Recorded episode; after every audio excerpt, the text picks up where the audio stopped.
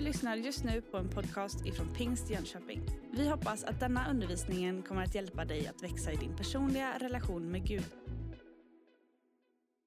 Vilken förmån att få vara tillsammans alla. Det är ju verkligen helt overkligt att det har gått ett och ett halvt år sedan vi gjorde det här sist. Det är ju i ett litet barns liv väldigt länge, men jag tror att både du och jag också känner Wow, tänk att vi äntligen får vara tillsammans. Det, här är ju all, det finns ju all anledning till att fira detta, så jag tog på mig en fin kavaj. Jag eh, tänkte att jag skulle vara lite extra snofsig med en sån här liten, jag vet inte vad det heter, men hoppas att ni ser den här. Eh, allt för din skull och visa glädje över att du är här. Vi har dessutom tårta efteråt här idag. Så eh, liksom, det känns som att jag kan nästan hålla den sämsta predikan i mitt liv och ändå kommer alla vara glada idag. Liksom. För pastorn har kavaj, det är tårta, orkestern spelar, barnen är här. Känns som att vi har vunnit redan. Men det är all anledning att fira. Samtidigt så skulle jag vilja bara säga någonting att vi, det är ju tyvärr så att pandemin inte är över. Så mitt i vår glädje över att restriktionerna är borta så behöver vi vara lite följsamma med varann, lite lyhörda för varann, för vi kan uppleva det här lite olika. En del känner sig där lite, åh vad härligt att få komma, men är det verkligen läge? Och så kan man brottas lite grann med det där. Därför försöker vi göra det här i en skön takt så att alla kan vara med. Men jag hoppas att vi kan bara vara så lite inlyssnande mot varann. Känn dig riktigt varmt välkommen. Behöver du lite extra space, känn dig fri att använda kyrkorummet. Eh, men vi är glada att få vara tillsammans igen. Den här pandemin kan man ju uppleva väldigt olika. Min fru brukar säga att hon är skapad för den här coronapandemin. Hon tycker det här är fantastiskt skönt när livet har blivit lite mer liksom hemmavid, inte så mycket fara flängande. Pappan i huset är hemma oftare och så mår på något sätt familjen ganska bra. En del av er som är här kanske skulle säga tvärtom. Det här har varit den värsta perioden i ditt liv. Vi är olika och på samma sätt som vi får vara lite följsamma med hur vi ser på rådande läge behöver vi också vara lite lyhörda för varann. Att vi kanske kommer med lite olika ingångsvärden in i det här tårtkalaset. Men jag skulle önska att vi alla famnas utav Herrens famn. Jag märker att man upplever det här lite olika, men jag skulle vilja så här inledningsvis innan vi läser Gudsordet bara ta det med lite grann och fundera. Den ensamhet som många ger uttryck för, hade vi kunnat lösa det här på ett annat sätt? Finns det någonting som vi hade kunnat gjort annorlunda så att den här situationen, så som vi har upplevt den med social distansering, lite grann frånvaro av andra människor nära, hade man kunnat förebygga det här på ett annat sätt? tycker det är intressant när man lyssnar till psykologer, forskare som i grunden inte har någon liksom kristen anledning till att säga det de säger, utan bara rent vetenskapligt forskar på beteendevetande, psykologi. Vad är det som skapas och händer i människan när beteenden förändras, när situationer blir annorlunda? En av de historikerna, Lars Trägård, erkänd brett i vårt land, han har varit med och deltagit och blivit intervjuad i en dokumentär som visades på Sveriges Television före coronapandemin, långt före den. Så länge sedan så att den inte längre finns kvar på SVT Play. Utan vill du se den här dokumentären så måste du gå ut på Youtube, inte nu, men sen hemma kan du göra det. Och så kan du höra The Swedish Theory of Love. Där man berättar att 1972 så togs det en politisk inriktning i vårt land. Där dåvarande statsminister och många andra politiska ledare talar om att nu är det dags för människans frihet. Och under ett manifest som man sa familjens framtid så talade man ut att nu är det dags att frigöra kvinnan från beroendet av mannen. Det ska vara ett frigörande av att eh, äldre ska inte vara beroende av barnens välvilja när man blir gammal. Tonåringar ska inte liksom vara beroende av sina föräldrar. Och i kölvattnet så blir jaget starkare än laget, individen viktigare än kollektivet. Och så med självständighet och oberoende som mål så drev man en linje av individens frihet från allt och alla andra. Och vem vill inte känna frihet? Att vara oberoende har vi ju lärt oss är ett bra ord. Men så här, 50 år efter den inriktningen så kan vi bara enkelt konstatera tillsammans med dessa vetenskapsmän som nu forskar på Sverige att det har gjort oss till ett av världens mest ensamma land. Ensamhet kan ju vara skön, som småbarnsförälder kan man ju ibland längta efter det. Och att någonstans bara få vara lite grann för sig själv är ju skönt. Jag har tonåringar i min familj som tycker att föräldrarna skulle vara borta oftare, så att de också fick huset för sig själva. Alla mår bra av lite ensam egentid ibland, men när den blir ofrivillig, när inte den är vald, så blir ensamheten någonting fruktansvärt. Forskare säger faktiskt så här, att varje dag känner sig fler och fler personer ensamma. De vill inte, men de vet inte vad de ska göra åt det. Ofta börjar det med en vag rädsla för ensamhet. Och det är inte själva ensamheten som orsakar rädsla, utan känslan av att vara övergiven blir en form av odefinierad ångest. Om rädslan växer sig tillräckligt stark blir den till vad vi kallar för existentiell ångest. Detta är en konstant känsla att känna sig hotad eller tom. Det där är vad Vårdguiden 1177 säger idag om ensamhetens problem. Och så tänker man på pandemi, man tänker på restriktioner, man tänker på allt det här, vi har det här i huvudet. Så verkar man se att det finns olika sorters ensamhet. Det finns en djup emotionell känsla. Som någonstans jag saknar den där att anförtro mig åt. Jag kan inte vara tillsammans med mina vänner så som jag brukade. Många av er som är äldre, som tillhör någon riskgrupp, som under pandemins tuffaste tider var väldigt utlämnade till att inte träffa någon överhuvudtaget. Kan känna igen den emotionella känslan av ensamhet som en otrolig djup sorg. Det kan finnas en social ensamhet där man känner att man saknar vänner, bekanta som man har någon form av samhörighet med. Men här verkar forskarna också ringa in någon slags existentiell ensamhet. Vad gör jag med mina innersta tankar och innersta känslor om jag inte riktigt förstår dem och har någon att dela dem med, någon som kan lyssna till det. Vart tar jag vägen med detta? Och snart ska det bli lite mer uppmuntrande i förkunnelsen, jag lovar. Men det är ändå intressant att titta. Där de, samma forskare säger att social isolering är hälsofarligt. Jämfört med att ha dåliga levnadsvanor så är in, ensamheten en ökad risk för att utveckla hjärt och kärlsjukdomar, stroke och demens och öka risken markant för psykiska problem. Tänk vad mycket andra saker som vi tänker, om jag bara tränar lite bättre, om jag bara äter lite bättre, om jag bara gör det här lite bättre så kommer jag må lite bättre. Men kanske att det som är djupast i min själ inte rättas till bara med kost och träning utan har ett djupare perspektiv. Det finns en pingstteolog som heter James Smith. Han utmanar i sin bok att du blir så som du, det du älskar när han säger så här att, att släppa taget om myten av autonomi, om självständighet och självtillräcklighet. Att någonstans släppa taget om de som sa, nu är det dags för frihet och därmed göra oss oberoende av varann. Det är inte så vi är skapta. Vi behöver återerövra perspektivet av att vara tillsammans. Anledningen till tårtkalaset är inte bara för att vi tycker att det är gott med tårta till fika, utan vi vill verkligen fira att vi är tillsammans. Det har varit en brist i vår gemenskap under ett och ett halvt år när vi har varit separerade från varann. Och till och med nu när vi har fått inleda terminen med att sätta igång massa verksamheter så har barnen fått gå in genom egna dörrar, vara i sin egen lilla värld och vi har varit här och några har kommit på söndagskvällarna.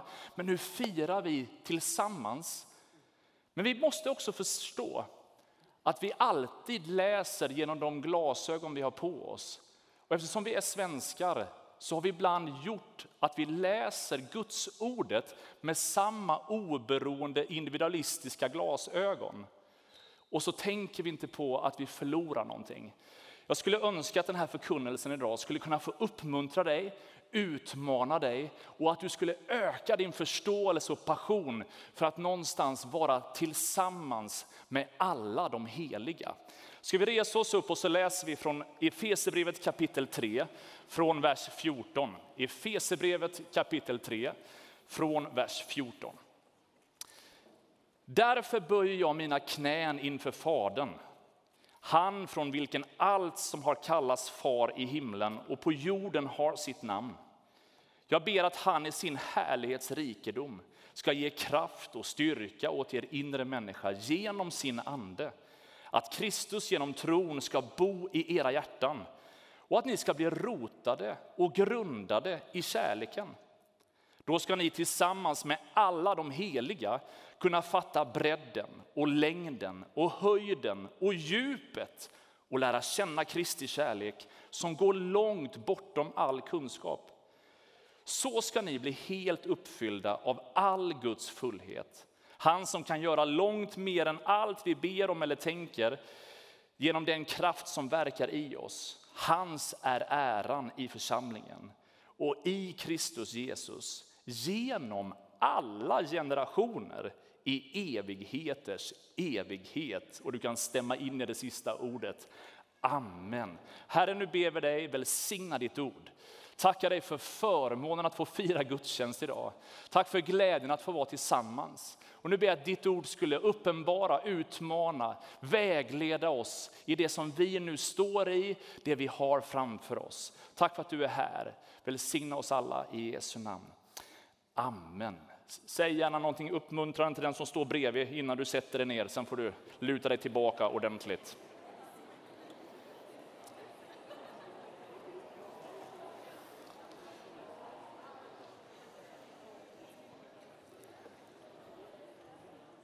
Det känns ju lite grann som den där liksom klassåterförenandet så här tio år efter gymnasiet när vi möts idag. Det är många kära återseenden. Väldigt gott att höra sålet av röster. I den här bönen så ber Paulus att Jesus skulle uppenbara och ge kraft åt vår inre människa. Och Någonstans så behöver vi liksom ta vår bottenplatta i att gemenskap, relationer och det kristna livet handlar väldigt lite om tårtkalas, ballonger, konfetti och orkester. Även om allt det där är goda ingredienser som vi gärna använder ofta så kommer kraften till vår inre människa. Det är ett verk på insidan som påverkar utsidan. Det är inte tvärtom. Rörelseriktningen av evangeliet är alltid att du blir fylld av någonting, berörd av någonting som sen gör någonting med dig. Börjar väldigt sällan i görandet, utan att någonstans själv bara vara där i hans närvaro. Och så står det att han vill att vi ska bli rotade och grundade i kärleken. Underbara uttryck. Att vara rotad likt ett träd ett rotsystem som går djupt. Här i våras så drabbades jag av en slags Ernst-vibbar och började liksom plantera solrosor. Mina barn hånade mig för mitt projekt där jag liksom vattnade med frön i små glasspaket inomhus tills det var dags för att så dem ut i jorden. Och jag blev hånad flera gånger, men jag kände att det här är mer bara att på något sätt erkänna vart man befinner sig i livet i sann medelålders anda. Häromdagen så hade ju solrosesäsongen verkligen ebbat ut och igår så var det dags att liksom ta bort dem från det land som jag hade planterat dem i. Då förstod jag varför mina solrosor hade förstört de blommor som min fru hade sått. För solrosen har skapat ett enormt rotsystem. Den är djupt rotad och på grund av att den är så djupt rotad så tog den all energi från allt annat runt omkring sig. Här står det att vi ska vara rotade i kärleken. Och jag hoppas att du förstår att det ordet är inte ett ord som på något sätt bara så här, ah, men det är en liten känsla och, och det är lite så här, bara lite romantiskt och lite hjärt-emojis. Utan det går mycket djupare. Att bli rotad i kärleken går förbi. Det är känslor inblandat, men det går förbi, det går djupare och har mer bestående konsekvenser. Kärleken är näringen som suger i sig och ger energi för att allt det där andra ska komma på plats. Psalm 92 utmanar och säger att den som är planterad i Guds hus, den ska alltid blomstra. Till och med när den kommer vid hög ålder så ska löven inte vissnas. Vilket innebär att att vara rotad, att någonstans låta rotsystemet gå ner i församlingen är inte bara någonting som är lite härligt för att vi någonstans uppmuntras av folksamlingen, utan det har konsekvenser för hur mitt liv fortsätter att dofta och vara. Kan det vara därför som jag ibland kämpar med min tro? För att jag likt många andra svenskar tänker att jag är fri och oberoende. Jag är självständig, jag behöver ingen annan för att jag och Gud har det bra. Absolut, Gud är personlig. Men vad händer? Orkar jag bära det här själv? Personligen så är jag så oerhört tacksam för tillfällen då andra människor ber för mig. Den här morgonen när vi förberedde för gudstjänsten så fick jag gå in i bönerummet och så var förebedjarna samlade och så fick de be en bön av välsignelse över mig. När vi sen kom in här i kyrksalen och hade lite bön med alla medverkande inför gudstjänsten så var det en, en annan ledare som kom fram och bara bad en personlig bön över mitt liv. Det gör någonting med mig när rotsystemet inte bara är djupt i mitt liv utan att jag får vara planterad i Guds hus tillsammans med alla de heliga. Vi ska också vara grundade. Och på samma sätt som ett rotsystem är dynamiskt så är ju grund någonting mer statiskt. Att någonstans ha en stadig grund att bygga sitt liv. Och än en gång så säger han att kärleken är inte bara en känsla utan någonting stabilt att bygga på. Vi är Guds medarbetare och ni är Guds åker, Guds byggnad, säger Paulus i första Korinthierbrevet. Och där tror jag att du och jag behöver förstå att kärleken är en sån grund, ett sånt grundfundament att stå på. Tänk dig kärleken som själva murbruket som håller ihop allting som gör att den där tegelstenen inte vittrar sönder utan det på något sätt samlas. Eller det där murbruket som är mellan de olika tegelstenarna som gör att inte någon tegelsten bara hänger lite för sig själv utan just det där hur det kommer på plats med varann verkar kärleken i Kristus göra med oss.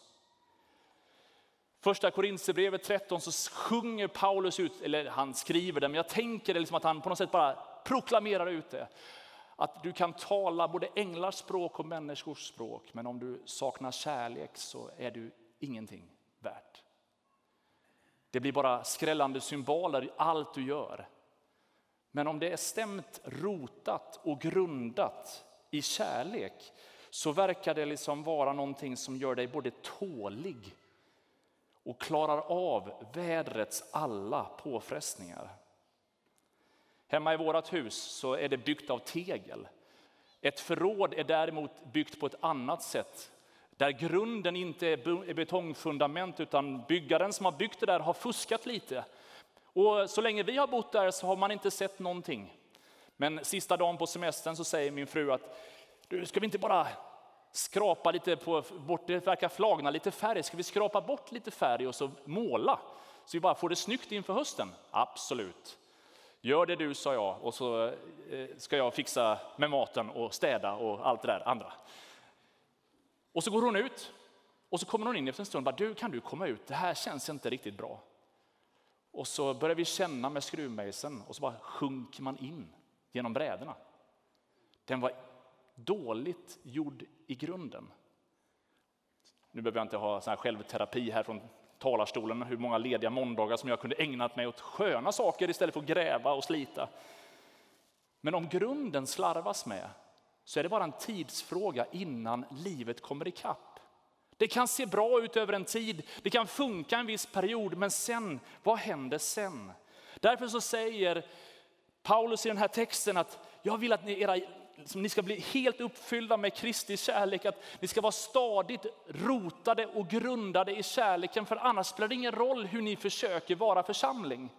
Om inte ni är stadigt rotade i kärleken, ja då kommer det bli klurigt att hålla ihop det här. Tillsammans med alla de heliga ska ni förstå och fatta höjden, bredden, längden, djupen av Gud. Vad innebär det egentligen? Det är först tillsammans med alla de heliga som vi på något sätt kan ana. Det teologerna kallar för den transcendente guden, den Gud som är mer än ord kan beskriva. Bara, det är först, jag klarar det inte egen, med egen värld. Jag kan inte bara med mina egna bilder förstå Guds fullhet. Han är så mycket mer än det ryms i mig. Och man är ju lite frestad att ta mikrofonen nu och så gå runt här i bänkarna som lite så allsång på Skansen. Jag ska inte göra det så du kan vara trygg. Och bara egentligen låta dig beskriva så som du hörde i filmen inledningsvis av gudstjänsten när olika människor beskrev vem är Jesus för dig. För när man hör olika berättelser så märker man bara, åh hon sa sådär och han sa sådär och hon sa... De uttryckte sig på ett annat sätt än jag. Och så ser jag mer utav vem Gud är. Bredden. Titta bara runt dig omkring i det här rummet så ser du hur olika vi är. Likt en symfoniorkester så finns det massa olika instrument. Och när vi ser olikheterna och inser bara wow, då förstår vi också att okej okay, Gud, det verkar inte krävas en viss sorts instrument för att få vara med i din orkester. Utan oavsett vilket instrument som är ditt så kan du få vara med och bidra med ditt liv. På samma sätt så kan längden i våra olika berättelser påminna oss om att okej okay, Gud, du verkar verkligen se oss vart vi än går, vad vi än är med om. Jag är så otroligt fascinerad ut hur, när man lyssnar till olika berättelser, när man möter människor i kyrkan här på veckorna. Människor som kommer från alla möjliga livets situationer. Och häromdagen fick jag sitta på Café Hela Världen och prata med några av våra nyanlända som fick berätta och beskriva vad Jesus betyder för dem, vad det har gjort med dem att möta Jesus och hur de upplevde saker och gör, är med om saker som sträcker sig så långt. Alltså Kristus famnar alla, oavsett vad vi går igenom. Höjden. Om du är lite grann som jag så kan vi ibland få en liten sån här pessimistisk bild av saker och ting. Hur kommer det gå?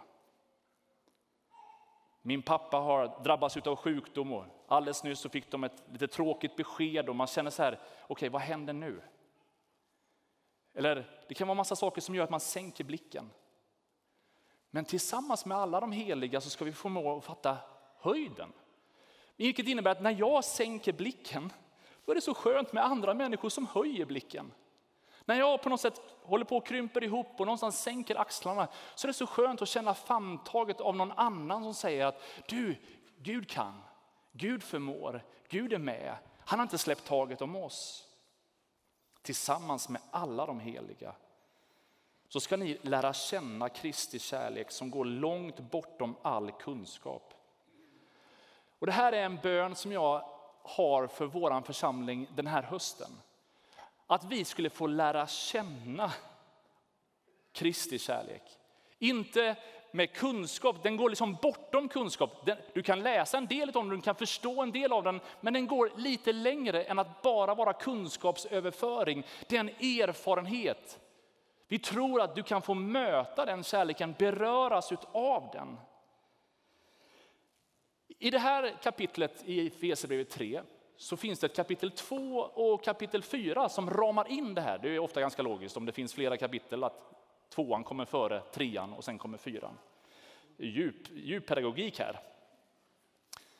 Det finns några nyckelverser ändå som jag tänker hänger kvar där i Efesierbrevet 2 och 4 som talar så här. Därför är ni inte längre gäster och främlingar, utan medborgare med de heliga och medlemmar i Guds familj. Ni är uppbyggda på apostlarna och profeternas grund, där hörnstenen är Kristus Jesus själv. I honom fogas hela byggnaden samman och växer upp till ett heligt tempel i Herren. Och i honom blir ni också sammanbyggda till en boning åt Gud. Och i kapitel 4 så står det, vi ska hålla fast vid sanningen i kärlek och på alla sätt växa upp till honom som är huvudet Kristus. Av honom fogas hela kroppen samman och hålls ihop genom det stöd som varje led ger. Med den kraft som är fördelad åt varje enskild del så får kroppen sin tillväxt och bygger upp sig själv i kärlek. Tillsammans med alla de heliga, när vi fogas samman i honom, av honom, så blir det någonting som blir oerhört kraftfullt. Och nu tänkte jag åskådliggöra detta. Det här är ett enda enkelt papper. Det är bra till många saker, man kan skriva många grejer på det. Men det är ganska lätt att riva det i tu. Krävs inte speciellt mycket ansträngning, krävs inte speciellt mycket vind för att heller ta det vidare. Det är ganska skört, ett ensamt litet papper. Det är ganska lätt att så som det var tänkt och designat faktiskt inte riktigt håller när det blir påfrestningar. Det här ordet fogas samman. Det här är två papper som är fastlimmade i varann. Ordet fogas samman skulle kunna översättas med att de är ihoplimmade. De är, liksom, de är så oerhört tajta med varann. Vilket innebär att det är svårt att skilja det ena pappret från det andra. Det är ganska komplicerat att försöka sära på de här utan att någonting förstörs. Det är något papper som får lite mer av det andra och skulle jag dra lite häftigt här nu så skulle det inte klara påfrestningarna utan det blir liksom hål i det. På samma sätt så verkar ju vi vara sammanfogade. Vi är tillsammans med alla de heliga. Församlingen är inte bara någonting som jag passivt betraktar utan jag blir en del utav. Och därmed måste jag också vara rädd om det. Här är ett gäng papper. 250 stycken, så vi är fler i det här rummet än vad som finns här. De är inte ens eh, fastlimmade, för jag vill inte slösa så vansinnigt mycket på varken lim, papper eller tid. Så jag tog det i kartongen, så den är egentligen bara sammanhållet av några andra papper som omsluter.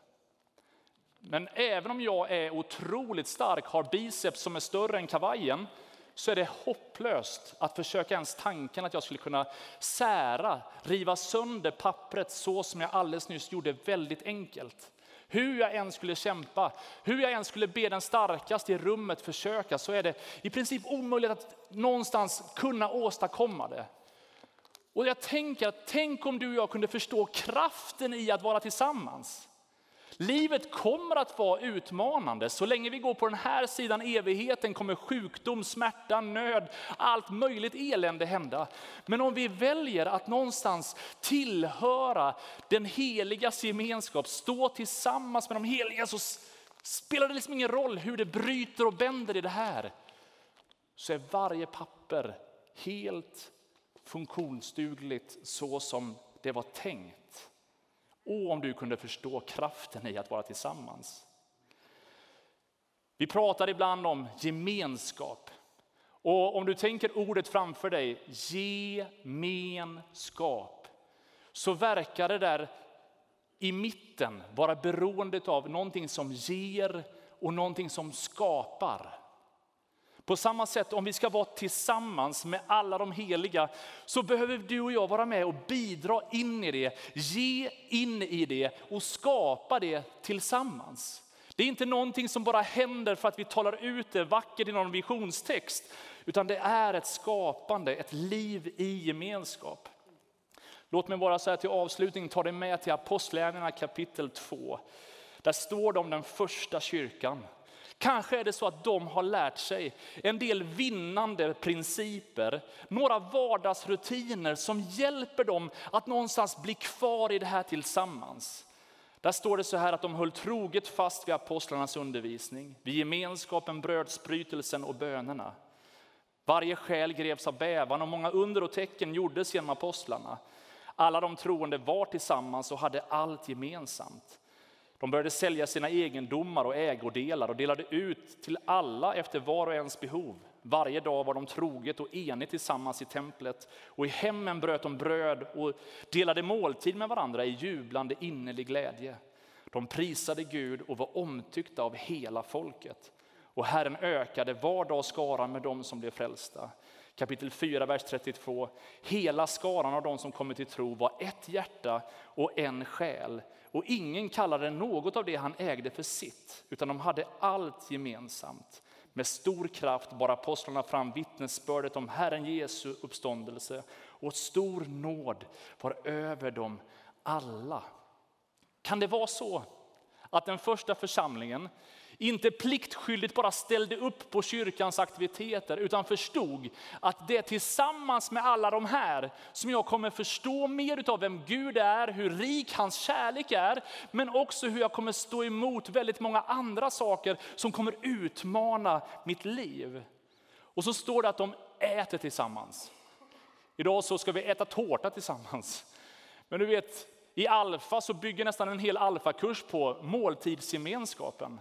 Underskatta inte det som händer runt bordet. Det är en viktig del av hur vi är som kyrka. Att när vi ses, fika tillsammans, dela gemenskapen både i böner men också i, i fika eller i smågrupper, att få äta tillsammans. Det, det är inte bara mysigt, det gör någonting med oss där vid bordet. Det står att de bad och höll troget fast vid bönen. Tänk vad bön åstadkommer när vi får be tillsammans. Vi får sjunga tillsammans. Faktum är att sång gör någonting med oss. När vi alldeles nyss sjöng tillsammans så tränas vi samtidigt som vi sjunger. Från bort vårt individualistiska vi så tränas vi att underordna oss. Helt plötsligt så är det liksom lovsångarna tillsammans med orkestern som säger kom, följ med här. Och så från vårt individualistiska svenska självbestämmande själv, så underordnar vi och så säger vi okej, okay, det är den här sången. Jag väljer att följa med i den. På samma sätt när vi sjunger tillsammans så är det ju hopplöst om orkestern skulle spela olika takt. Om liksom bara liksom Bosse känner att gå bananas på trumsetet här samtidigt som det är liksom cellon här borta eh, liksom kör något eget spår eller klarinetten är liksom helt vilse i takten. Det skulle inte låta så himmelskt som det nyss gjorde. När vi sjunger tillsammans så är det inte bara för att vi tycker om sång. Det formar oss att någonstans lyssna på varann. Vart befinner vi oss?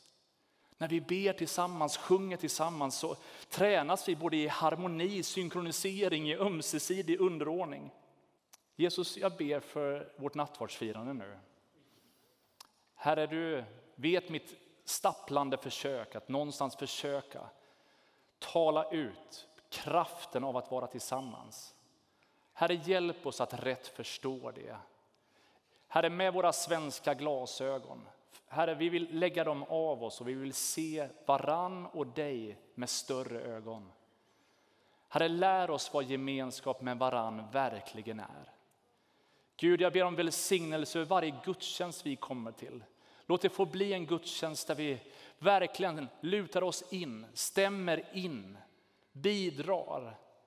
Herre, jag ber för varenda kyrkkaffe, varenda bönemöte, varenda smågruppssamling, varenda tillfälle där vi får chans att mötas. Herre, låt det få påminna oss om ett liv som är större än oss själva. Livet med dig och med varann. Jesus, jag tackar dig för brödet, att du offrades för vår skull.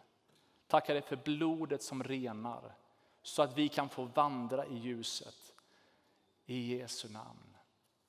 Amen. Du har just lyssnat på en podcast ifrån Pingst Jönköping.